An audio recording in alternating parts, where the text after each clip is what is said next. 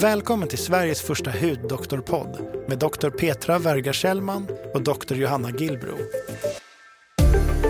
Johanna och Petra kommer hjälpa till att guida er genom allt som är värt att veta om vårt största organ, nämligen huden.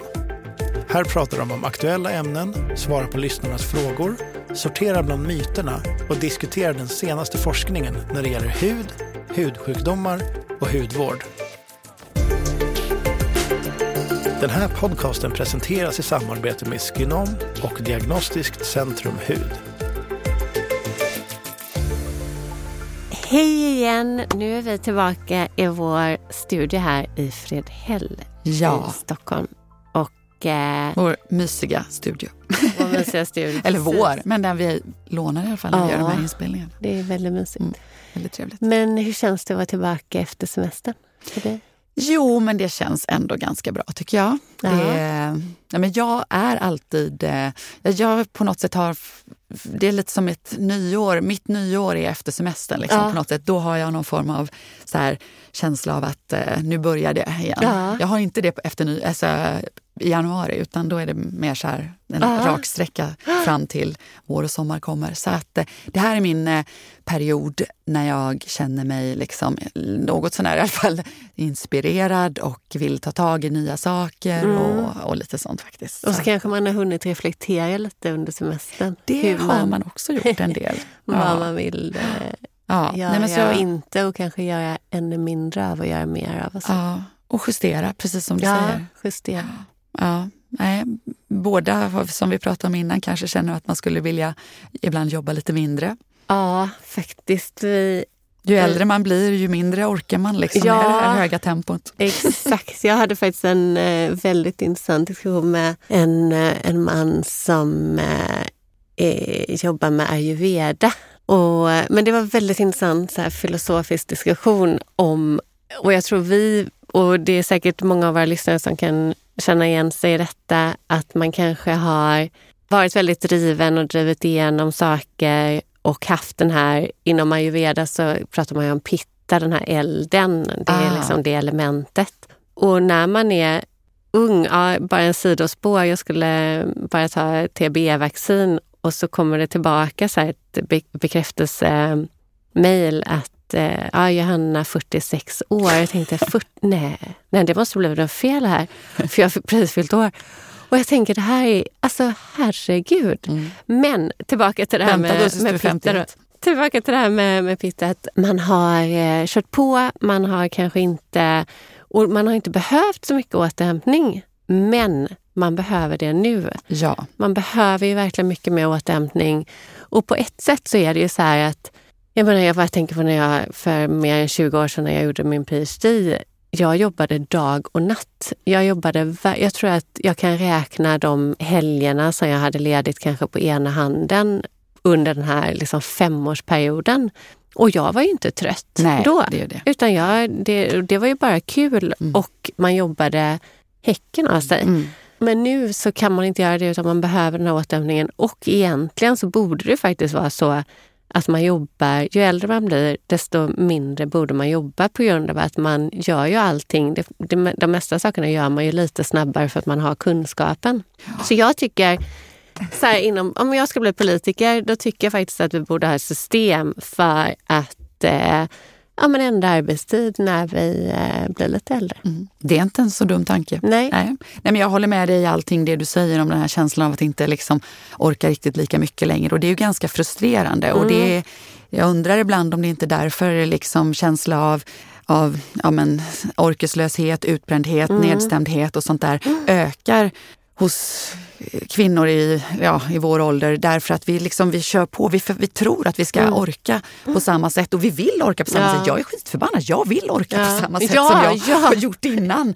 Men så känner jag ibland, men det gör jag inte riktigt. Nej. Och det, det kanske man tyvärr, hur jobbigt det än är, måste man kanske lyssna lite på det. Ja, Och det är lite, ja, jag är tror bara- att man måste lyssna. Eller jag är väldigt säker på att man måste lyssna på det. Sen är ju det lättare för att har ju, man har ju liksom satt igång ett, en karusell av saker som inte bara går att... Alltså det är ett självspelande... Piano på något sätt. Piano, ja, men ja. verkligen. Jo, då, det, ja.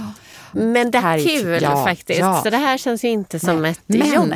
fast det är grejen. Och Ja. det har jag lärt mig under min bland annat psykoterapiutbildning. Mm. Det är nämligen så här att även saker som är roliga, saker vi känner att vi har, tycker är kul, Mm. spännande, vi får stimulans av att göra saker. Det kan ändå bränna ut oss, Ja. trots allt faktiskt. Ja. Så, ja, det, för det är många är vi som använder oss av det. Jo men jag gör ju bara det här för att det är roligt. Ja. Och, jag gör ju, och det är så, det är Ja. sant, det är sanningen. Mm. Men, det, men eh, fortfarande kan vi faktiskt i alla fall hamna i att det blir för mycket. Hur Ja. roligt vi än tycker att det är. Det, det, gör, det gör det ännu svårare. Ja, nej, men jag håller med. Mm. Så är det verkligen.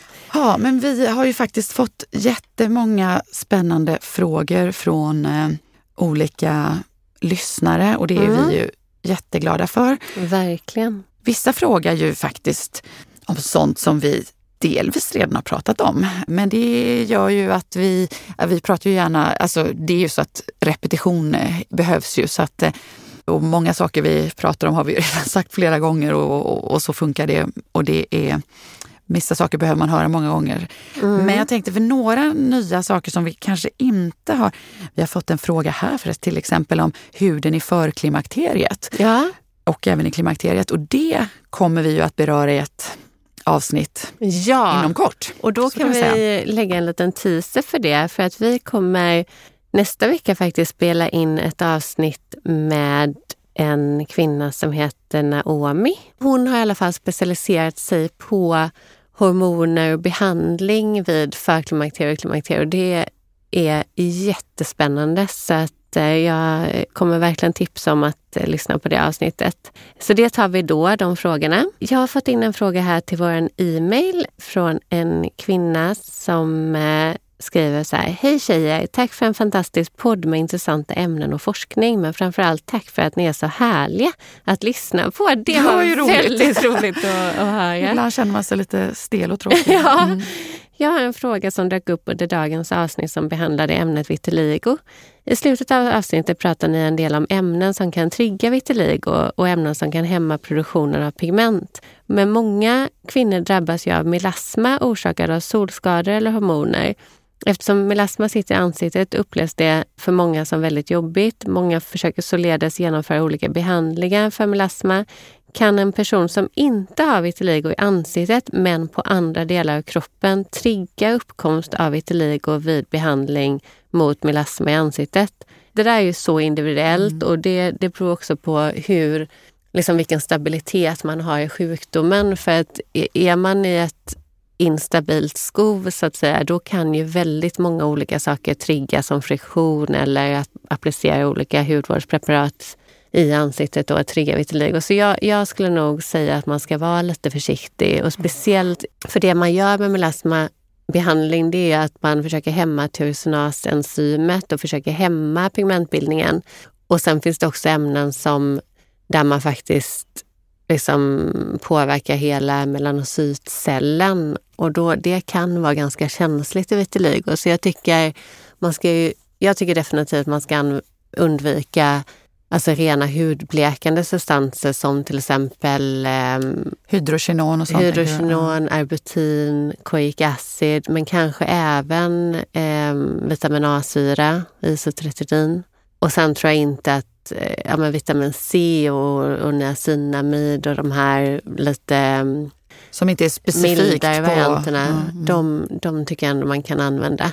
Men samtidigt så ger ju inte de en jätte, jättestor effekt mot melasma. Mm. Nej, det är svårt det där. Jag håller ju helt med dig att eh, en person med vitiligo skulle jag vara lite försiktig med eh, olika, dels starka sådana som du säger, som du nu har nämnt. Men jag tänker också säga, kemisk peeling och sådana Mm. där grejer. För Ja, man har väl lite det här Köbner-fenomenet för vitiligo också. Och det, med det menar jag att eh, Köbner-fenomen är alltså det att om du har någon form av hudskada så kan Mm. du få den hudsjukdom du har så att säga på de här områdena som har, man har behandlats. Det absolut vanligaste är ju vid psoriasis, då, tänker jag, där man har eh, har man psoriasis så har man ju risk att till exempel om man opererar blindtarmen Mm. eller om man får ett stort skrubbsår på benet, Mm. då har man ju en viss risk Alla får det inte, men det finns en viss risk att man eh, får psoriasis just då i operationsärret ja. eller i skrapsåret ja. liksom på benet.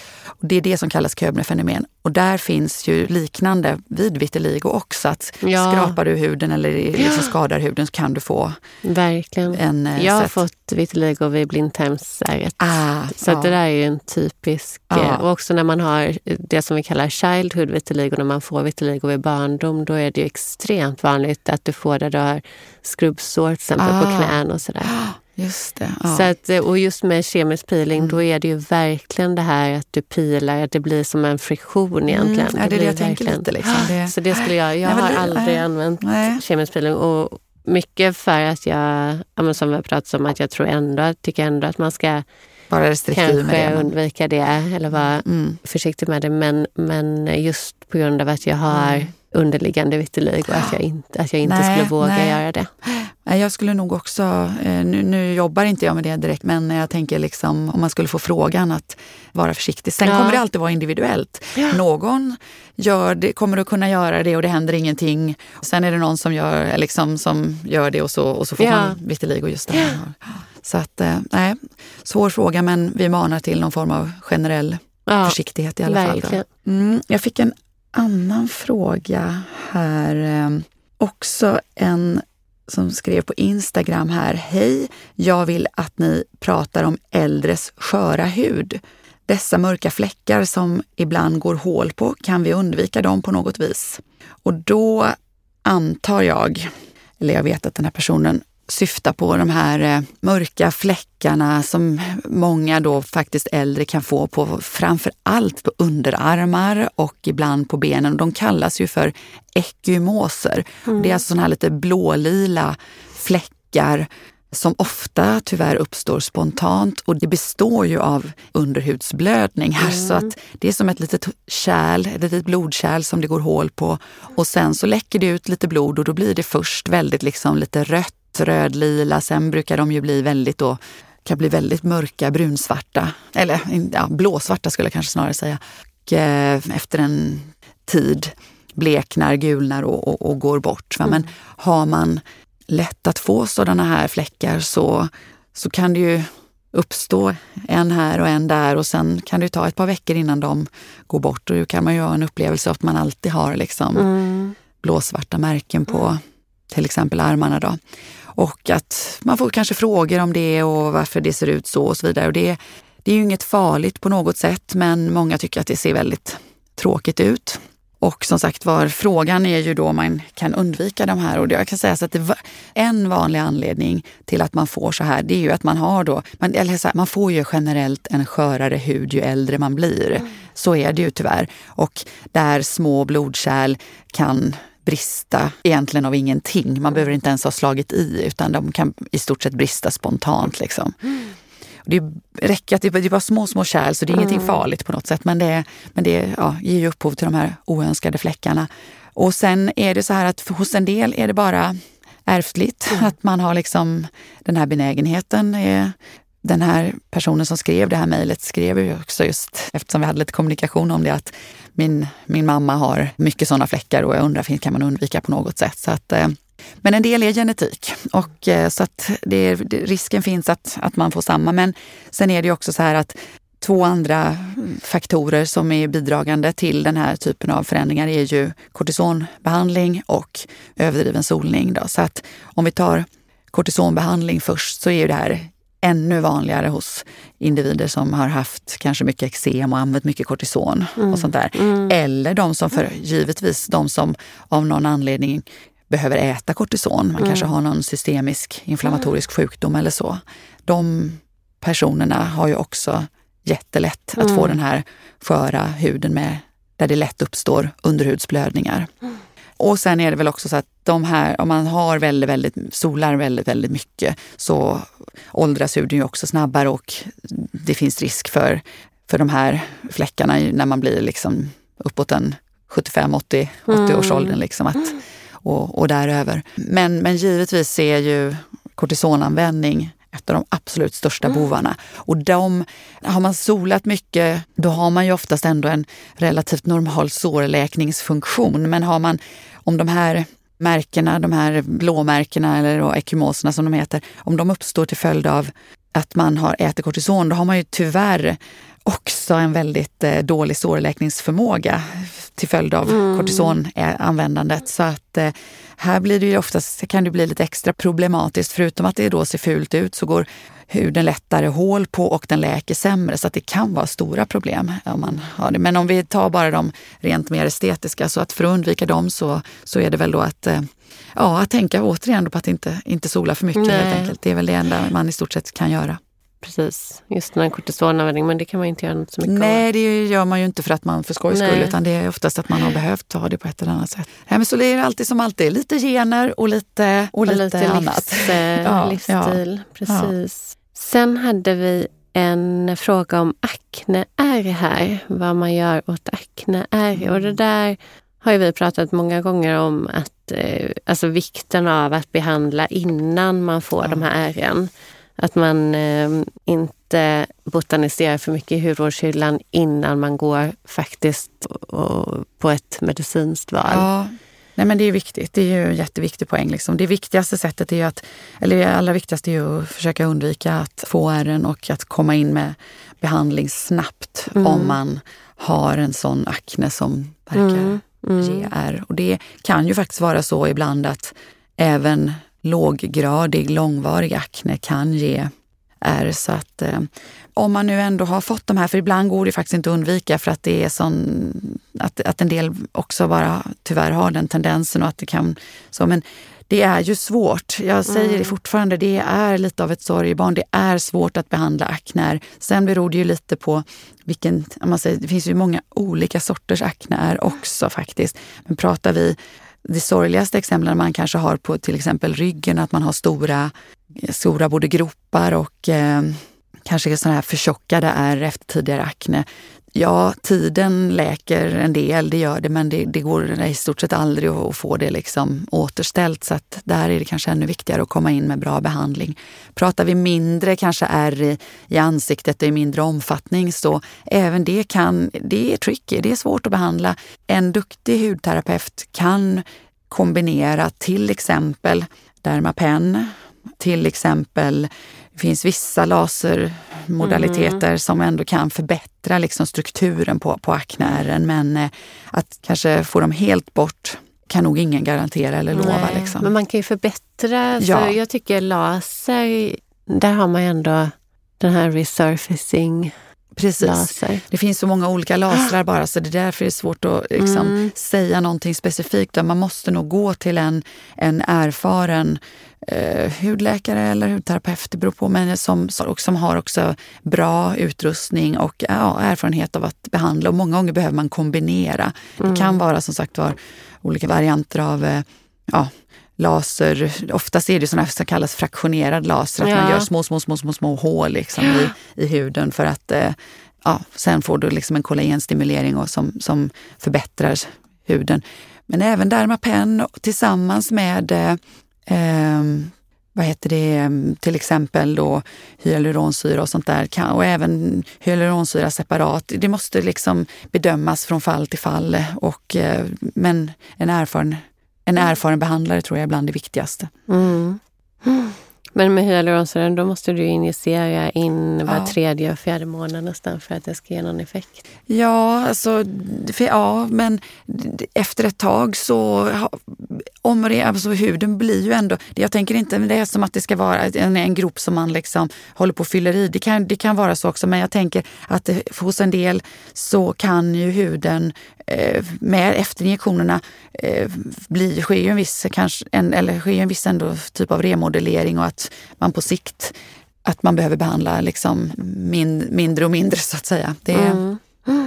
det, jag tycker det är svårt med aknebehandlingar. Och, ja, eh, speciellt ärrbehandlingar ja, är svårt. Ja, men, förlåt, ja. akneärrbehandlingar. Ja. ja. Sen har vi fått, och vi vill också igen tacka verkligen. Det är så fantastiskt när man eh, slänger ut en sån här fråga på Instagram och får ja, men hur många frågor som helst. Så vi är verkligen, verkligen tacksamma. Ja, men eh, till exempel här så um, är det en tjej här som frågar om um, eksem och hudbakterier, skriver hon. Det där är ju väldigt intressant. Nu har vi pratat med Ina här om vaginalfloran och alla de bakterierna, speciellt den här Lactobacillus crispatus som var väldigt viktig för vaginalfloran. Vi tittar där, eller man har gjort, jag skulle säga inom hudmikrobiomet så har man gjort mest studier egentligen inom eksemområdet. Och där har man tittat på, eh, ja men, tittat sekvenserat hela mikrobiomet. Men det som är mest framträdande det är att man i eksem så har man mer av Staphylococcus aureus och mindre av S. epidermidis. Det är också en stafylokock. Eh, så att det är en obalans där. Och där är ju det är intressant. Och jag menar, har man svåra eksem då kan man ge en antibiotikabehandling för att minska de här Staphylococcus aureus och andra bakterier också. Men man sätter ju inte till den här S. epidermidis. Man har inte, alltså i, också inom hudvård så, och inom Ja, det finns ju inga probiotiska behandlingar, alltså läkemedelsbehandlingar ändå inom hudvård. Men där har man inte idag, det finns, det finns ingen produkt som innehåller den här S. epidermidis, men den skulle antagligen vara har du haft en, en antibiotikabehandling och du kanske inte ens behöver det utan du bara får en skjuts med mycket av S. epidermidis så skulle du säkert kunna göra mycket för eksem. Och mm. det finns även en annan bakterie som inom eksemområdet som har eh, studerats och det är att man har sett att eksem med den här liksom förhöjningen av S. aureus, Staphylococcus så får du en minskning alltså av S. epidermidis, men du, du har också en minskning av en bakterie som heter Rosiomonas mucosa. Och då har man gjort en studie, det var väldigt få patienter visserligen, men man gjorde en spray där man sprayade på den här Rosiomonas mucosa och fick, i de patienterna som var med fick man jättefina resultat. Så det där kommer nog, jag tror verkligen att det där kommer komma. Vi jobbar också med i en liten, liten studie med INA där vi tittar just på en bra hud, alltså en, en hälsosam hud.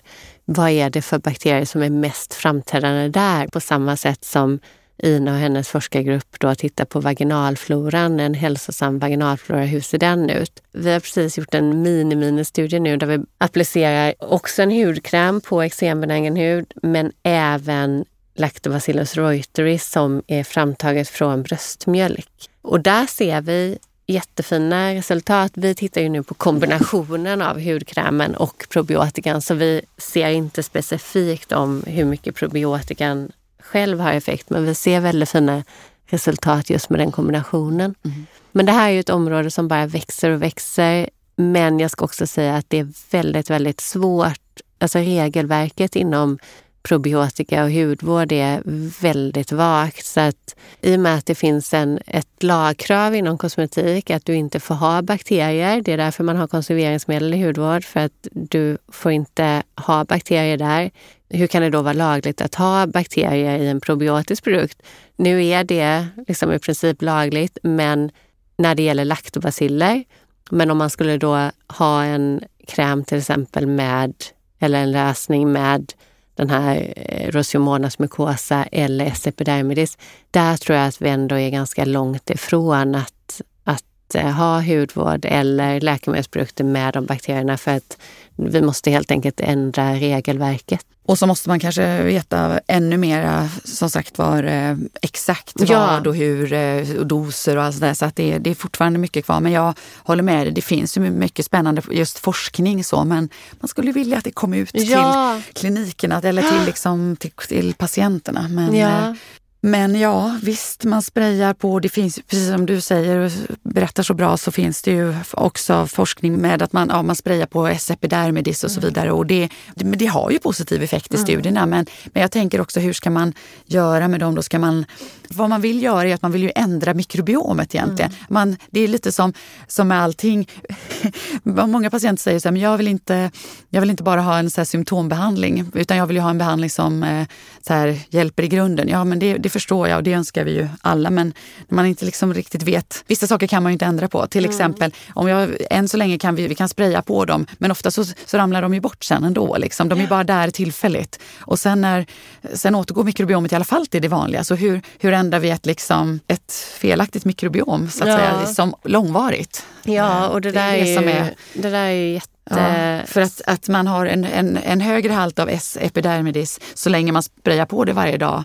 Men det är fortfarande så här, vi vill ju veta hur man liksom så justerar. Ja. Liksom. Ja, nej, det är så mycket svårt. Ja, men det är, vi får hoppas att, ja. att ja, och sen styr ju eh, tarmmikrobiomet styr också vår hud. Så där har man ju också Säkert. sett eh, dels i många hudsjukdomar att man har, kan se en dysbios i tarmmikrobiomet. Men sen läste jag faktiskt några nya studier nu som, eh, där man tittade på rosacea och man såg att rosacea-patienter har högre incidens av eh, Helicobacter pylori-infektioner. Och då behandlar man i och för sig de här Helicobacter-infektionerna med antibiotika. Mm i studien hade man använt amoxicillin. Linoklavulansyra tror jag att det är. Ja. Det, det, finns, en, det finns en, ett färdigt kit så att säga för helikobakterbehandling. Så att man kommer ju nog säkert kanske om några år se behandlingar där man faktiskt eh, mer kanske går in och modellerar tarmmikrobiomet för att se en effekt på huden. Mm. Säkert. Och jag menar, jag tänker också att de här fermenterade sakerna och allting som vi hör om och, och så, att de har sån positiv effekt så att självklart borde det påverka rest, ja. mikrobiomet i om man säger, resten av, av uh, huden. Vi, ja, vi är vad vi äter, vi är vad vi stryker på oss, ja. vi är vad vi gör. Wow. Ja. Och där har man, det är ju svårt där med, med probiotika men det har ändå gjorts, alltså de flesta studier inom eksemområdet har ju faktiskt gjorts genom att Eh, ja, men man eh, äter probiotika. Och då finns det vissa bakterier som inte ger någon, det är alltid laktobaciller, vissa laktobaciller som ger effekt och vissa laktobaciller som inte ger effekt. Jag tänkte vi kan ju i det här avsnittet så kan vi nämna, jag kommer inte ihåg dem eh, by heart, men mm. eh, vi kan ju skriva in dem som, eh, där det faktiskt mm. finns effektstudier mm. på för eksem och det är främst, tycker jag, eksem som man har studerat. Det finns lite inom akne, men det är så lite. Men det är verkligen eksemområdet mm. mm. som... Ja, men det kan vi lägga upp. Ja, och då vänder jag mig till dig Feta igen här, för vi har fått in en fråga. Brustna blodkärl på en fet hudtyp. Diatermi hjälper ej. Vad rekommenderas? Laser? Frågetecken. Ej röka? Frågetecken. Ja, det är ju ett ganska vanligt tillstånd också med just brustna blodkärl. Och jag tänker inte att det egentligen spelar så stor roll om huden är fet eller inte Nej. fet. Utan, eh, så men ibland vänder jag mig mot det här brustna blodkärl för då låter det som att de har gått sönder. Men det har de inte. De har bara blivit lite vidgade egentligen. Mm. Men, men, det, men det som är i, men jag förstår vad, vad hon menar. Just det här med att man får liksom röda streck och fläckar och, och sådär på i ansiktet. Alltså det enda som hjälper oavsett hudtyp är ju att egentligen stänga med antingen man säger laser eller IPL. Kärllaser eller en, en IPL som är eh, med liksom inställningar mot eh, liksom blodkärl. Eh, så att det är nog det man får säga. Och absolut är det väl så att rökning, ja, men framförallt solning leder ju också till att man får, alltså man får de här brustna blodkärlen. Så att inte sola i första hand. Det är bra, alltid bra att inte röka. Sen få, alltså med ökad ålder får vi ju mera liksom brustna kärl och sånt där. Det är ju inget tveksam om, liksom tvekan om det. Så att åldern har ju, spelar ju också in. Men jag skulle nog säga att den enda som effektiva behandlingen är ju eh, laser eller IPL. Mm. Helt enkelt. Mm. Och det var nästan alla de frågorna vi hann med i dagens avsnitt. Ja, men det kommer fler avsnitt och då kommer ja. vi att svara på fler frågor. Ja, exakt. Det var ganska många frågor här som vi kan ta eh, nästa gång. Mm om eh, allergiframkallande ämnen i hudvård, hormonstörande ämnen. Det verkar vara någonting som folk vill veta mer om. Då kör vi det. Då kör vi det. Ja, tills dess, ha en jättebra dag och vecka. Och... Ja, verkligen. Ta hand om er så ses vi snart igen. Och tack för att ni har lyssnat. Tack. Hej, hej.